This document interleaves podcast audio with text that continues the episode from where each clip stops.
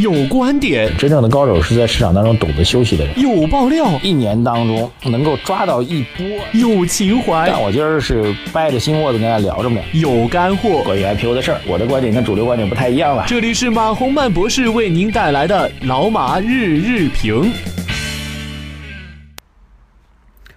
好，各位老马日评的听众朋友们，大家早上好。二零一七年的四月二十六号星期三啊，今天讲什么呢？啊，前几天其实没有什么特别有内容的东西啊，所以讲的稍微少了点儿。呃，今儿呢内容比较多啊。第一个是在昨天晚间啊，就新华社发了中共中央政治局讨论了经济工作相关会议啊。呃，这个我觉得是非常重要的一件事情。然后会聊两个小的事情啊，一个是关于美国股市为什么一直在涨啊，还有一个传闻，监管部门在征求这个各方对于市场的一些意见啊。这两个小事儿，一个大事儿。首先来讲政治局这个事儿啊，政治局开会一般不是随意开的啊。政治局当然内部的研讨，我相信在中央最高层肯定是很多的，但是以政治局的形式来开会，然后对外去发布相关信息。啊，每次重大的发布都是有重要的概念和时间点。呃，一般来说有几个固定的几个时间点呢？第一个就是到每半年的时候啊，大概六到七月份的时候，一般政治局会开一次会议啊，对半年度的经济形势啊，一般放在六月后啊，就是半年报的数据，宏观的半年报数据出来之后，开一次会议。还有一个年底。啊，年底呢，就是我们中央经济工作会议啊召开之前啊，需要政治局先内部先统一相关的思想，啊，定一个原则啊，这是两次基本上每年会固定的政治局研讨宏观经济的会议。此外呢，就是在召开大会期前之前啊，有可能会增加相关的会议，特别是大会如果是这个围绕经济的，比如说。十八届三中全会啊，或者再往前推十七届三中全会等等等等，就三中全会一般都是要研讨经济的嘛。那么在这种大会之前呢，政治局也会召开相关的会议啊，大概是这样的逻辑。还有就是，如果政府机构要确定重大的政策方针的时候，也会召开。那这种这种情况相对比较少，一般来说会这样一个逻辑，就是年底的时候。政治局先召开一次会议来讨论全年的经济形势啊，然后同样通过中央经济工作会议，中央经济工作会议是包括政府部门，包括这这个执政党的主要负责同志啊，来召开的一次重要的会议。啊，包括各省地方的负责人，这是非常大的一个范围的会议，所以叫中央经济工作会议。中央经济工作会议之后啊，就政治局会议先开，然后中央经济工作会议，中央经济工作会议开完之后，其实就为次年的啊这个全国两会当中的政府工作来定了调子啊，所以这样一个逻辑。所以一般来讲，政治局会议不是特别多啊，专门研讨经济更不是特别多，所以这样一次会议就会引起我们的高度关注。那么这次会议当中提到什么样的要点呢？我觉得大概有几个点要跟大家分享啊。第一个点。呃，对于一季度经济增长，增长速度确实是来之不易。我觉得这个确实是来之不易啊！一点一季度能够到六点九啊，远超我的想象啊！因为在房地产严控的情况下，特别是从去年国庆节后我们就严控房产啊，一直控到今天，政策只有紧而没有松。在这种情况下，能够达到六点九的增速，确实是来之不易啊！我觉得这个是高度认可的。但是会议当中其实提到这样一个点啊，就大家容易看前半部分，看完之后就不知道说啥，然后就不看后面了。会议。指出啊，就是我们经常说嘛，大家说话说那个但是啊，就前面一堆表扬，然后突然到但是的时候啊，您就要这个提神儿啊，这才是最关键的。政治局会议当中这么说的，他说，在充分肯定成绩的同时，也要看到当前经济向好有周期性的因素啊，经济结构调整任重而道远，面临不少挑战，必须用坚持用新常态的大逻辑去研判经济形势，坚定不移地推进经济结构的战略性调整。里面这句话其实对一季度经济增长做了一个。呃，新的解释吧，就是我我发现统计局在做相关分析的时候都没有提到这样一句话，叫做当前经济向好有周期性因素啊。换句话说，你六点九上涨当中有一些并非是这个，并非是我们努力的结果，应该这样来说啊，有可能是正常的经济周期的一个运行的结果啊。这点我觉得其实是非常客观的来承认这种状况。这周期其实我觉得。比包括大宗商品的复苏周期啊等等，略有复苏的一些周期吧等等啊，其实认为六点九当中，换句话说，六点九当中存在一些不可持续的因素，对。呃，然后在这句话当中提到一个点，就是要坚定不移的推进经济结构的战略性调整啊。战略性调整这句话说的比较少，所以战略性调整意味着后面后面会有跨越式的发展，但是如何去跨越式的发展呢？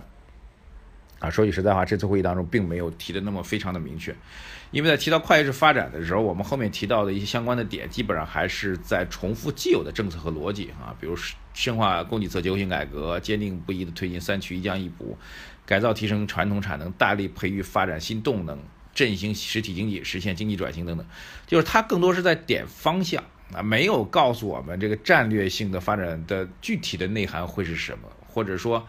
呃，大力培育发展新动能，新动能到底是什么？其实会议当中并没有说，所以我觉得依然是这个微观、宏观的指导和微观的探索是结合在一起的啊。这是关于整个宏观经济层面的这个第一个大点吧。第二点，其实我觉得也比较重要，跟我们当下的股市关系比较密切的，就是关于风金融风险的问题啊。当然，确保不发生系统性金融风险，几乎是已经每次大的会议当中都会提到的点。啊，这里面其实为了去。避免发生金融风险的话，其实提到这样一个问题，要高度重视防控金融风险，加强监管协调。哎，这句话我觉得，呃，对我们最近一段时间来观察银监、证监、保监三监从其手找到了一个由头。我始终认为这次的金融监管的风暴啊，不管是刘士余先生证监部门啊，还是呃银监和保监部门啊，郭树清这边，都不是一个简单的割裂的。啊，偶尔碰到一起，大家说，哎，这几个监我们同时在发力啊，是不是偶尔碰到一起？我觉得不是啊，是应该是一个最高层的一个政策指向。这句话应该是在本次的政治局会议当中得到印证，就是要加强监管协调啊。所以我觉得本轮强监管的风暴仍然会继续大下去。啊，讲一句啊，昨天我们提到了关于银行的委外啊，委托外的金融货币资金的一个规模。啊，现在市场各方对这部分资金的规模其实有不同的看法，究竟有多少，没有人知道哈。所以这个问题，我觉得要引起大家的一个关注。这个虽然我们昨天也讲了一个大概数，一万亿到十万亿都有可能，掐个中间数，四万亿到五万亿，但是究竟有多大影响不知道啊。但市场呢已经形成恐慌的心态了。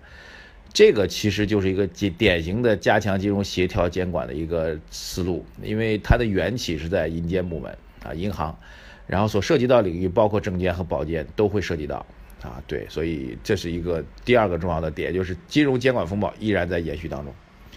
第三个点就是关于房地产啊，我们可以带一句话吧，房地产的长效机制一直是房地产政策当中最重要的一个点，以前叫做研究建立啊，本次的政治局会议当中把它叫改成了叫加快形成啊，这意味着房地产的长所谓的长效机制。啊，正在运行，在提速啊，这是我们讲的第三个点，对房地产市场来说可能会产生比较大的影响啊。但是一般来说啊，这总体来讲，一句话总结，政治局会议给我们的总体看法是，未来还会有比较重大的政策的落实啊。这个政策落实并不会在政治局层面体现出来，可能会是在未来在国务院层面体现出来。所以，本人在内会高度的关注以将来的整个政策落实。就这次政治局会议后面。将会行政部门将会具体干什么？这个是非常非常重要。行政部门干什么？如何干？将会直接影响我们今年我们认为跌下来之后未来战略投资的机会。所以本人将会致力于此，力求在本轮下跌之后，把未来一次非常重要的战略投资机会啊，比较准确的预判呈现给各位，好吧？大家一起要期待。但是时间现在还没有到哈，必须要有耐心。政治局开完会之后，国务院如何去落实？如果落实，如何去解读？这是我们要做的事情。好，接下来两个小点啊。第一个小点，美国股市一在涨，很多人说，那为什么中国不涨呢？